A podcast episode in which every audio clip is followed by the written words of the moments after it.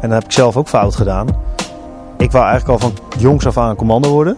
Dus dat wist ik donders goed.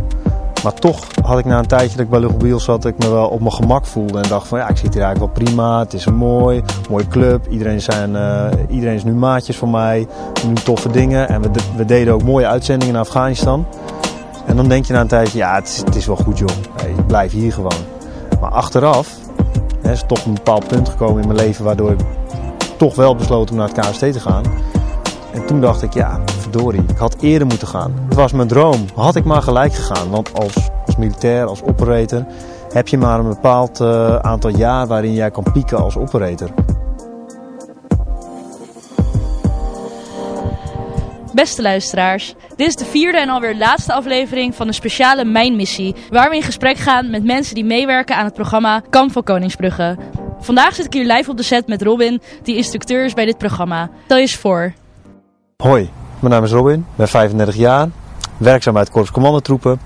Um, ik heb hiervoor in mijn diensttijd, uh, dat ik begon in 2005, een uh, aantal jaar bij uh, de luchtmobiele brigade gezeten in Assen bij het 13e. En in 2011 heb ik de ECO gedaan en mijn groene beret gehaald. Acht jaar lang als sniper in de ploeg gezeten. En sinds 2019 ergens ben ik gestart bij bureau wervingsselectie en communicatie. En dat heet nu communicatie en recruitment. En nu werk je ook mee aan het programma Kamp van Koningsbrugge. Ja, klopt. Ze hebben gevraagd voor uh, extra instructeurs tijdens het uh, programma. En daar ben ik voor gevraagd en ik doe uiteraard graag mee. Ja, en wat doe je daar dan als instructeur? Zoals je misschien wel weet is dat Kamp van Koningsbrugge een constructie is tussen eigenlijk drie partijen. Je hebt de Triangular Group Academy, dat is een bedrijf gerund door Ray. En ook DAI die werkt daar ook. Daar zitten veel oude commando's in. En hun bedrijf ondersteunt aan het tv-programma. En daarnaast heb je uiteraard Tuvalu Media en het Korps Commandotroepen. En die drie partijen bij elkaar maken Kamp Koningsbrugge 2.0. Oké, okay, en je zegt net, ik doe graag mee als instructeur hier. Maar waarom doe je dan zo graag mee? Wat vind je hier leuk of interessant aan? Nou, omdat ik natuurlijk werk bij het Korps Commandotroepen. En werk op de functie waar ik nu zit, communicatie en recruitment, mm -hmm. vertegenwoordig ik dus samen met uh, Patrick, Richard, Wouter, Bart, vertegenwoordigen wij echt het korps commandotroepen in deze drie eenheid van, uh, van het tv-programma. En daarin wil ik natuurlijk ja, de trots van het KZT en, en de belangen van het KZT zo, zo goed mogelijk uitbeelden en laten zien waar wij voor staan. En, uh, het korps commandotroepen daar zo goed mogelijk uit laten komen. Ja. ja, en zou je wat kunnen vertellen over je eigen ervaring binnen korps commandotroepen? Ja hoor. Ik uh, ben in 2011 dus begonnen aan de commandoopleiding. Uh, uiteindelijk in 2012 uh, paraat gekomen. Een aantal oefeningen gedraaid, bij de 105 commandotroepencompie gezeten. En in 2014 ben ik, heb ik mijn eerste missie met het KST gedaan. Ik had daarvoor bij Luchtmobiel twee missies naar Afghanistan gedraaid. 2014 mijn eerste missie met het Korps Commandotroepen naar Mali. Wij waren destijds de eerste eenheid die, uh, die die kant op ging. Dus dat was een hele interessante missie. Sowieso al als, als militair en uh, ja, van kinds af aan wilde ik commando worden. En vond het heel interessant en heel tof eigenlijk om dus mee te maken hoe het dan is om, om echt met het KZT op missie te gaan. Uh, wat ik al zeg, ondanks dat ik er al twee op mijn, op mijn naam had staan, ja, ik vond het heel wat om echt met het KST weg te gaan. Om eigenlijk altijd die mannen waar ik tegen opkijk, daar was ik nu onderdeel van. Mm -hmm. En nu ging ik zelf met hun op missie. En was ik die persoon waar ik altijd tegen opkeek. En dat, dat vond ik wel heel bijzonder. En het was heel bijzonder ook om, om als eerste ergens aan te komen. Om als eerste het gebied in te rijden. Om, ja, om als eerste op allerlei plekken te zijn in, in Mali. En mensen te spreken, groeperingen en inlichtingen te verzamelen. Dat zeg ik verkeerd, hè? want inlichtingen zijn pas inlichtingen als het geverifieerd is door meerdere bronnen. Dus eigenlijk verzamel je informatie en daarna is het pas inlichtingen. Veel gemaakte fout altijd binnen de Defensie. en ja, dat gingen we daar doen en dat was heel interessant. En dat was een mooie missie. Veel meegemaakt ook. Wat gaat er dan door je hoofd heen op zo'n moment dat je daar daadwerkelijk als eerste ook aankomt? Ja, ik zeg dit natuurlijk wel, maar uh, met alle respect voor, voor de andere eenheden. Uh, wij kunnen niet werken zonder uh, bijvoorbeeld de genie. Ja, mm -hmm. Dat kamp moest wel gebouwd worden. Dus eigenlijk zeg ik wel, wij waren als eerste. Jee. uh, de genie, die komt ergens. Tuurlijk, wij doen een verkenning. Boots on the ground. En daarna wordt er gekeken van oké, okay, waar gaat dan een kamp komen? Hoe, hoe, gaan we dat doen? Wie worden onze partners? De Fransen zaten daar natuurlijk al. En uh, wij hebben ons kamp eigenlijk vlakbij het Franse kamp gebouwd. En uh, ja, daarna is de missie opgestart. Wat gaat er dan door je heen? Ja, spanning. Um, maar ook wel echt gewoon heel veel enthousiasme. En, en ja, ik keek gewoon echt uit naar wat we nog meer allemaal gingen doen. En wat we er allemaal uit konden halen. En, en hoe het nou allemaal zou gaan. En, het was een hele complexe situatie. er zijn daar meer dan 14 groeperingen aanwezig. Die allemaal hun eigen belangen hadden. En sommigen weer gedeelde belangen hadden. En ze wilden allemaal de macht over een groot deel van het land. En ja, het was heel interessant om daarin uh, alles ja, duidelijk te zien de, te krijgen. En, en dit door te spelen aan de, de force commander van, uh, van de VN-missie in Mali. En denk je dat de deelnemers van dit programma, Kans van Koningsbrugge, misschien een, een klein beetje een vergelijkbare gedachte hebben toen ze hier aankwamen, net zoals jij toen je voor het eerst bijvoorbeeld op missie ging, op uitzending? Ja, dat hebben we wel zo goed mogelijk proberen over te laten komen. Of in ieder geval ik zelf wel. Want ik, ik kan me altijd heel goed inleven in hoe je daar dan staat. En, en dat doe ik in mijn werk ook altijd. En ik weet hoe je je dan voelt als je op de eerste dag van je ja, diensttijd of vanuit luchtmobiel naar het KST gaat. Dan sta je daar wel ineens. Dan ben je ineens in Roosendaal. En dan, dan is het ineens weer allemaal heel echt. Dan denk je, joh, oké, oké, nu moet ik het echt gaan doen. Nu moet ik het waarmaken. En, en ondanks dat je al heel fit bent en misschien heel veel hebt meegemaakt die spanning die, die is er wel altijd. En dat zie ik ook altijd terugkomen bij de kandidaten die naar ons toe komen. In de eerste fase van dit programma proberen we natuurlijk uh, echt een ECO aan te halen. Waarin ze echt uh, gewoon fysiek moeten vlammen en daardoor mentaal zwaar hebben. Mm -hmm. Maar daarna kom je in een fase waarin zij wel ook uh, speciale operatieachtige dingen moeten aangeleerd krijgen om, om opdrachten te gaan uitvoeren. En daarin vind ik het dan altijd heel belangrijk dat je als je een les geeft of een briefing voor een, een missie, dat je hem gelijk breed trekt en, en de koppeling maakt met het operationele werk. Zodat zij zien van oké, een voorbeeld. En dan laat je ze eventjes in dat moment komen. Dan zie je ook aan die gezichten van yo, dit is best wel uh, tof verhaal, heftige shit, dit wil ik ook. En dat gaan wij dus nu ook doen. En dan druk ik ze dan ook echt op het hart van. En zo is het dus nu voor jullie ook. En dat moeten jullie gaan doen. En met die mindset, zo moet je erin gaan. En dan denk ik wel dat die kandidaten dat ervaren als zijn van ja, oké, dit is wel de, de real deal.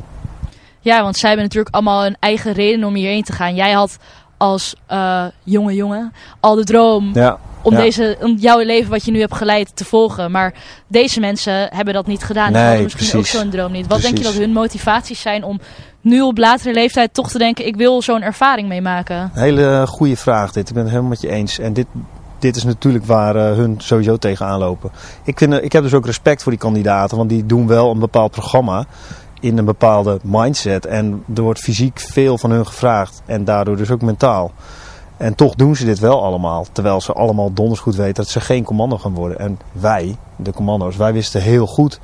Ik doe dit met maar één doel. En dat is die groene beret. En daarna commando speciale operaties worden. En daarna missies draaien. Ja, Op uitzending gaan met het KZT. Dat is waar je het voor doet.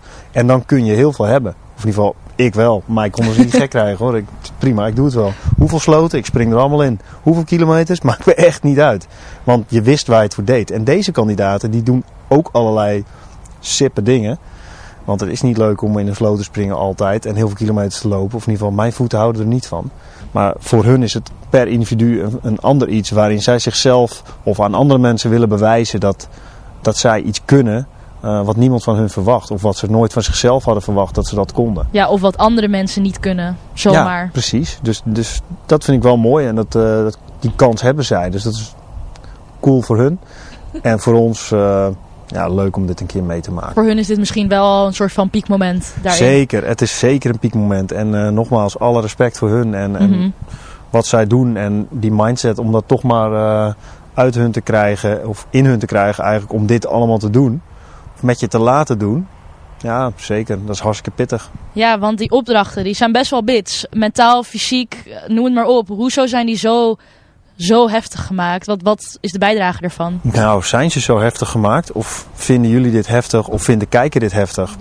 Het, zijn echt geen, eh, het is geen rocket science en ze zijn echt niet super heftig.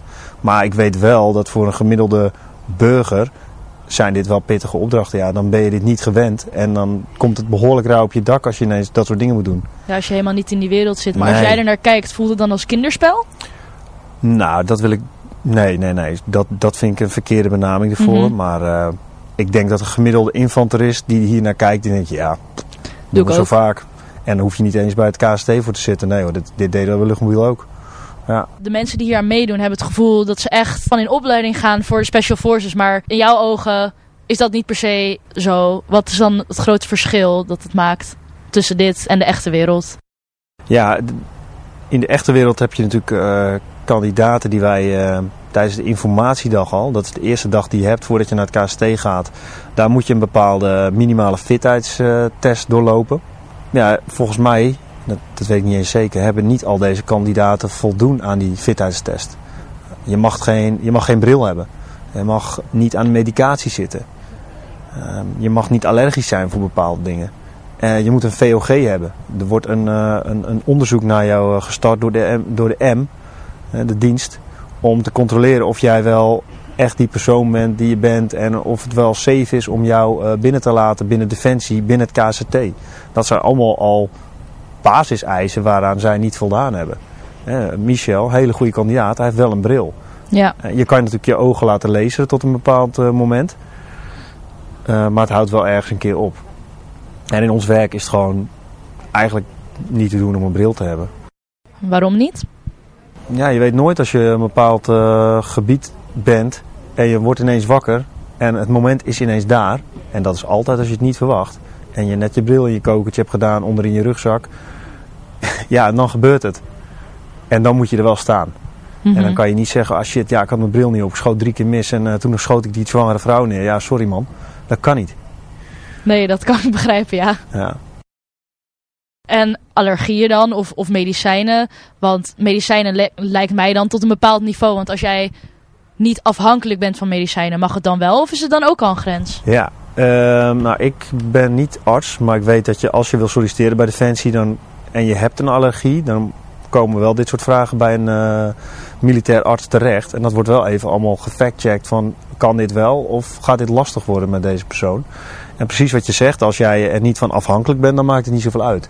Maar als jij dagelijks drie, vier pillen moet nemen om eh, inzetbaar te zijn, ja, dat, dat gaat niet werken. Nee, er, ga- er gaan momenten komen dat jij dat niet kan. Hè, er zijn momenten geweest, terug te koppelen naar eh, operationeel, dat je denkt we gaan drie dagen de poort uit, maar het wordt twee weken. Ja. Dus dan heb je net je ene onderbroek ingepakt en je twee paar sokken en één doosje pillen omdat je denkt dat het genoeg is voor drie dagen. Maar je bent wel twee weken weg met die ene onderbroek. Ja, en ineens zit je zonder medicijnen. Ja, en dan, moet het wel, dan gaat het wel gewoon door. Dan, en dan ben je er ook nog je bril kwijt in die tas. Precies. Ja, dan, wat dan moet je gaat dan? het fout. Ja, dan gaat het echt fout. Nee, dit eh, maakt het allemaal heel luchtig en grappig, maar het is natuurlijk... eh, Ja, het is keiharde realiteit. Ja. Ja. Ja, ja, Maar hier is dat dus in ieder geval niet de realiteit. Maar waarin is het voor jouw gevoel wel realistisch? Eh, ja, het is dus gewoon een, een heel beknopt programma, zeg maar, waarin ze in een paar dagen tijd proeven aan bepaalde elementen van de commandoopleiding, bepaalde elementen van eh, ons selectieproces en van eh, het werken in de VCO, de voortgezette commandoopleiding, en ook van het werken in, eh, in de compie en van, van een uitzending.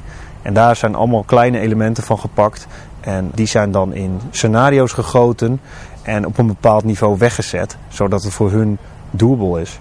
Kijk, als jij een CQB, hè, Close Quarter Battle, les hebt gehad van een paar uurtjes en een, één les wapenhandelingen. Ja, dat, en je gaat dan zo'n complexe actie uitvoeren als wat wij met hun doen. Dat kan helemaal niet. Dat kan je ook eigenlijk niet eens van hun verwachten. Maar dat doen we nu wel. Want Mhm. je kan niet een anderhalf jaar lang programma gaan filmen.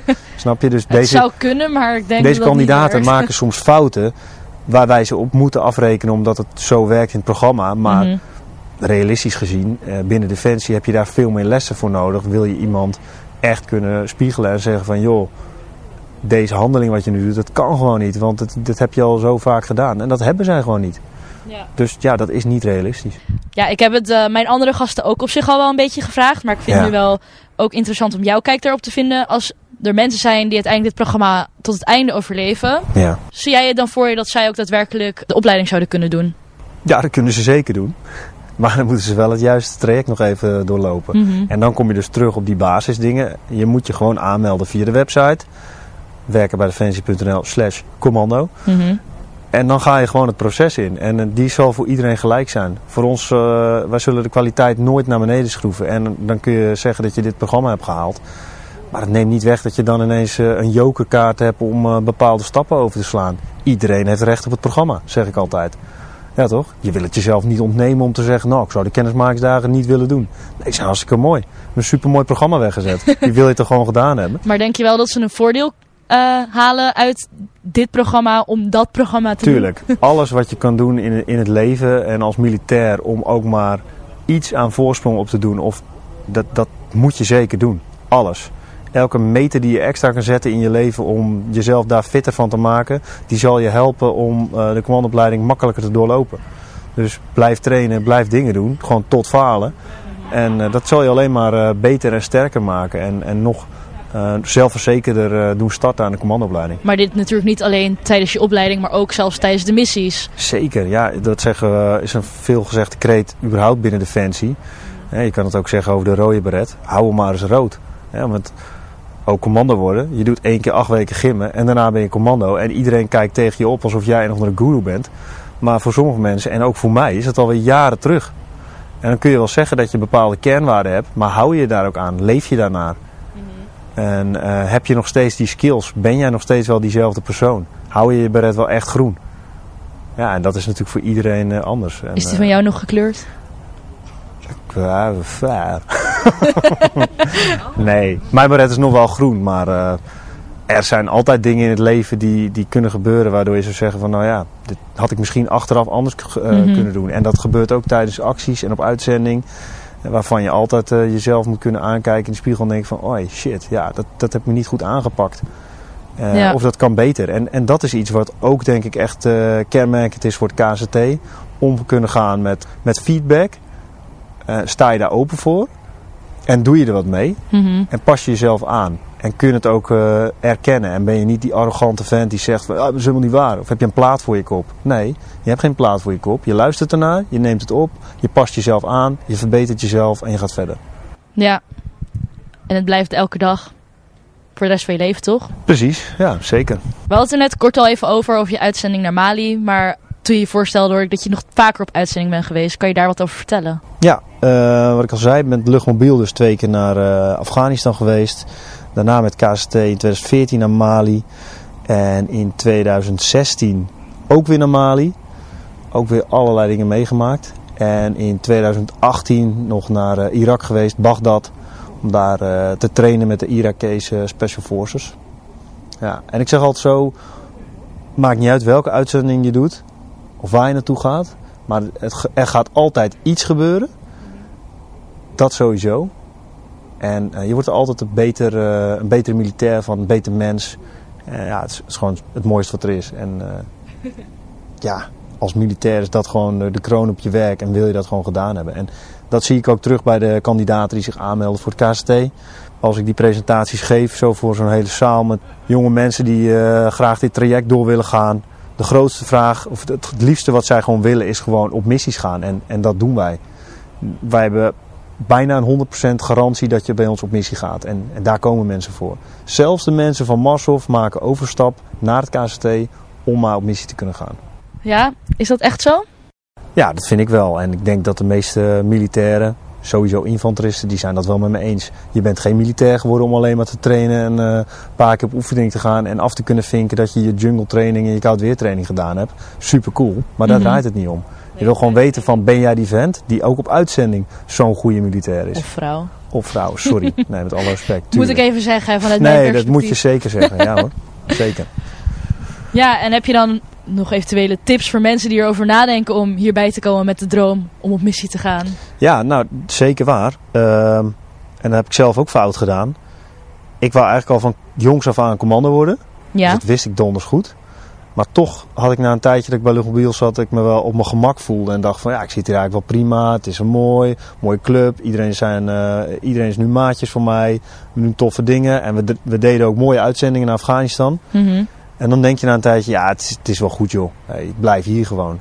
Maar achteraf hè, is toch een bepaald punt gekomen in mijn leven waardoor ik toch wel besloten om naar het KST te gaan. Ja. En toen dacht ik, ja, verdorie, ik had eerder moeten gaan. Hè, want dit was mijn droom. Dit had was ik maar mijn gelijk. droom. Had ik maar gelijk gegaan. Want in het leven, als, als militair, als operator, heb je maar een bepaald aantal jaar waarin jij kan pieken als operator. Je hebt gewoon een houdbaarheidsdatum. En die gaat in vanaf een bepaalde uh, leeftijd, maar die stopt ook ergens. Mm -hmm. En je hebt maar één leven. En dan moet je hem wel pakken. En ja, Het zou zonde zijn als je dus te lang blijft hangen op een bepaald punt in je leven. En er dan na een tijdje achterkomt van joh, ik ben nu te oud. Of ik ben niet fit genoeg meer. Of ik heb te veel kinderen en ik woon te ver weg. Dat zijn allemaal excuses. Terwijl je eigenlijk donders goed weet wat je wil. Ga gewoon die kant op. Maak die stap. Doe je ding. Dien je jaren. En ga dan weer terug met uh, niks doen. Dit Dat kan klinkt, altijd eh, nog. Dit klinkt als hele wijze woorden, niet eens alleen voor het vakgebied militair, maar voor Ja. eigenlijk met alles wel. Ja, nou het klinkt heel wijs, maar het is gewoon eh, eigenlijk helemaal niet wijs. Want ik ben er Het gewoon allemaal zelf tegenaan geknald. En daardoor eh, heb ik nu die ervaring. Ja, Ja, maar en iets daardoor kan ik het kunnen zeggen. begrijpen en iets ook daadwerkelijk uit kunnen voeren, ook een groot verschil. Ja, klopt. Nee, dus mijn grootste tip voor kandidaten voor het KST is gewoon wacht niet af. En pak de tijd in je leven, in je jonge leven die je nog hebt. Maak die stap. Meld je aan op de website. eh werken bij defensie.nl slash commando. Er staan ook trainingsschema's op. Filmpjes, alles wordt helemaal eh, in hapklare brokken voor je uitgelegd. Kan niet fout gaan. Maak die stap en kom gewoon eh, naar ons toe. En kijk of jij geschikt bent om commando te worden. Nou, jullie horen het, jullie weten waar jullie heen moeten. En dan wil ik jou, Robin, heel erg bedanken voor je tijd en het Jou ook. gesprek. Geen probleem. En succes nog bij de rest van Kamp van Koningsbrugge. Dankjewel. Ben je ook fan van onze podcastserie? Help ons dan door een review achter te laten of raad de show aan bij vrienden en familie. Mijn missie is een productie van de Koninklijke Landmacht. Ben je benieuwd naar nog veel meer toffe behind-the-scenes content? Volg de Koninklijke Landmacht dan op YouTube, Facebook, Twitter en Instagram. Daar verschijnen vanaf nu exclusieve foto's en video's die gemaakt zijn tijdens de opnames van Kamp van Koningsbrugge. Mijn naam is Julia van Doorn. Heel erg bedankt voor het luisteren en tot de volgende aflevering.